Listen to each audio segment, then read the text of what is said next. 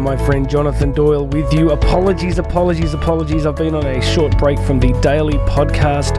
I was in Tasmania speaking, and uh, on Monday, I hadn't been there. Well, I've been to Tasmania before, played golf in Launceston, but I've never been to Hobart. And just anybody listening in the world, if you haven't been to Tasmania, wow, what have you been doing? It's uh, it's fancy. It's like really, really nice. It's just really nice. When I was in the hotel, it reminded me of San Francisco. As I looked out the window, the the houses are all kind of they're, they're much closer together, uh, like the way San Fran is, and it sort of all comes down towards the water. Really great. So put on your bucket list if you haven't been.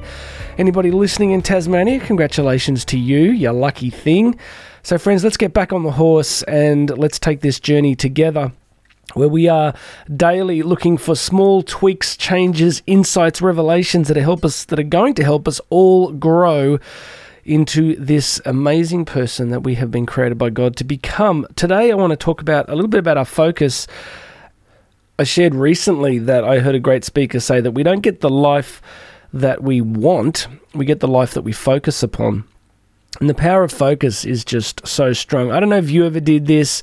I will not confirm or deny that my brothers made me do this when I was a little kid, but remember, you know, that thing where you get the magnifying glass and you kind of you set fire to leaves, and some really disturbed people used to try and, you know, send ants home to Jesus unfairly, might I, might I say. I just stuck to leaves. You know, you get the sun and the magnifying glass as a kid, and that and that powerful focus comes through the lens and that power is kind of targeted and amplified and has the power has the power kapow has the power to uh, to really create something uh, extraordinary as that as that energy and light gets focused into heat and creates fire. So focus is a powerful thing.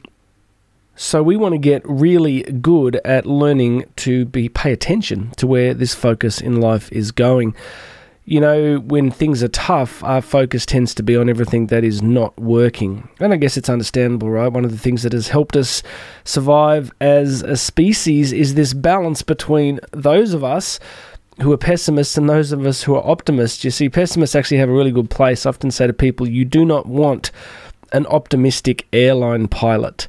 You know, when you're on a plane, you don't want a kind of pilot that's like, oh, it'll be fine. It's going to be great. Just trust the universe. You know, we'll put the plane down here.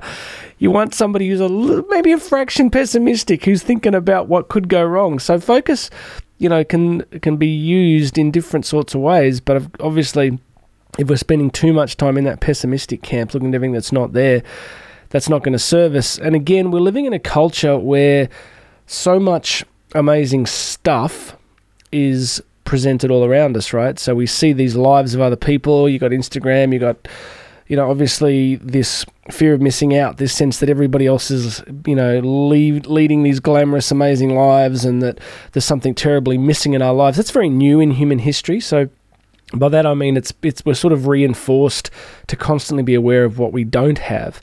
So what I want to say to you in this message is this: you're never going to be happy if you're continually focused upon what's missing. There's a real art to this, right? Because you, you definitely want to have some kind of gap. You want to have a gap between where you are and what you are vectoring towards, what you desire. So you want to have some sense of, yep, this matters to me, this is what I want. But you, you're not going to enjoy life or probably be as effective and dynamic if you are constantly focused upon the gap, what's missing, the lack. So, I want to ask you today as you think about how you're doing life at the moment, do you tend to be focused upon everything that is not there? The relationship you don't have, the finances you don't have, the car you don't drive, the clothes you don't wear. You know, there's a real art, isn't there, if you think about it, because because you want an, you want some awareness, because that awareness of what you don't have in your life that you desire is going to prompt you to move forward. But if it is a relentless negative focus upon everything that you don't have, like take relationships for example, you know, if if you're not in a relationship and you want to be, it's very easy to fall into that mental trap of I'm never going to be happy, or what happens if I never find anybody. And I'm a big believer in controlling the controllables. If you're walking around miserable and you know focusing on all the scarcity, you tend to get more scarcity you know, think about it this way: like if you're in a really bad mood, right? Say something's, you know, you've just been in a really bad mood, you didn't sleep well, whatever. You go, you know, you go about your day, looking for problems, right? You go about your way feeling gritty and you tend to look for people to cut you off in traffic and you sort of start reading people's minds. My boss doesn't like me. What about this? You know, but if you're in a great state, you tend to be going through your day looking for what's positive and what's reinforcing your positive state. So, once again, we're never going to be happy if we continually focus upon everything that appears to be missing. So, let's take a moment today to be conscious about what is currently good. You can always find something. No matter how your your life may have gone screaming off a cliff, but if you think about it, you will find something. You know, we have so many challenges and things happening in our lives, all of us do, but you can find something. You really can. And that's why I like meditation, like mindfulness stuff, because it kind of pulls you back more consistently into the moment. For example, I've got a really great coffee machine. It's just, Karen was beautiful. She bought it for me about a year or so ago, and it's just extraordinary. It's a really great machine because I love good coffee. And my life can be going sideways, but if I just pay attention, and you know, I get up at 4 a.m. and this thing's on a timer, so it's ready to go. And I just take that moment. I'm like, this is a good thing. This is something I really enjoy, and that's just one small thing. And you know, then I go out, go throughout the day, and my business is never where I want it to be. My speaking is never where I want it to be. My health and fitness is never where I want it to be. And I'm running ultra marathons again, right? I'll tell you a secret. I'm actually considering, I don't know if I'm going to do this, but I'm starting to consider it. It's my 50th birthday this year in December, and I'm thinking of marking my 50th birthday by running 50 marathons in 50 days in the lead up to my 50th, so that on the morning of my 50th, I complete the 50th marathon. So that's running a marathon every day for 50 days. oh boy. Oh boy. People will be like, oh, they'll be at my 50th birthday and they'll be like, where's Jonathan? Oh, he's in the corner. he's resting. He's asleep. But it's only 6 p.m. Yeah, we know. So, anyway, I guess what I'm getting at is I'm never at peace with, you know, my health and fitness goals. I mean, I. I'm always thinking, what's next? You know, I, I don't focus on what's not there. I focus on where I can just keep enjoying it, keep growing, keep doing cool stuff. So, the purpose of this message, my friend, is to say to you today pay attention. Pay attention to where most of your focus is going.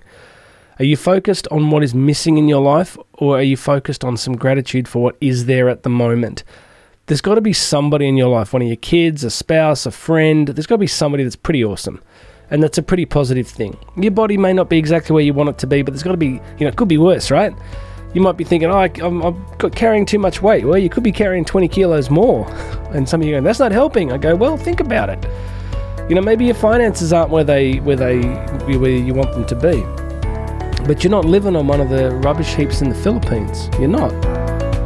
Um, so there's always a way to find gratitude for where you are. All right, that's it for me today. So please make sure you subscribe. Go and check out the links. You can book me live to speak, conferences, events, working with your business team. It is all there. So go check it out, my friends. God bless you. My name is Jonathan Doyle. This has been the Daily uh, Podcast. I almost said the Daily Focus. Well, it is. It's helping us focus. But I'm going to have another message for you tomorrow.